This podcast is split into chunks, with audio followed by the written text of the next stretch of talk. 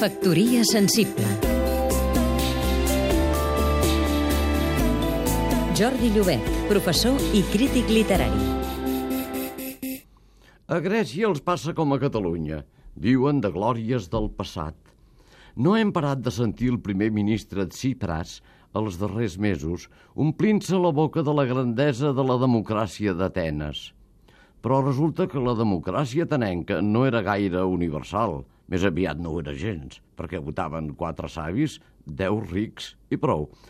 Ni aquesta democràcia va tenir cap continuïtat després de la romanització del país. Tant se val, deuen pensar.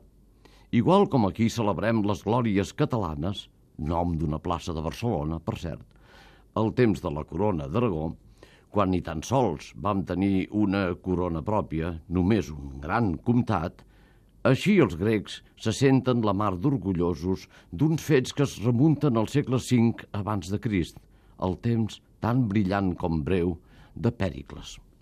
Ja se sap, els homes primer fan una certa història, però després la reinventen de la manera que els vagi més bé per interessos del present.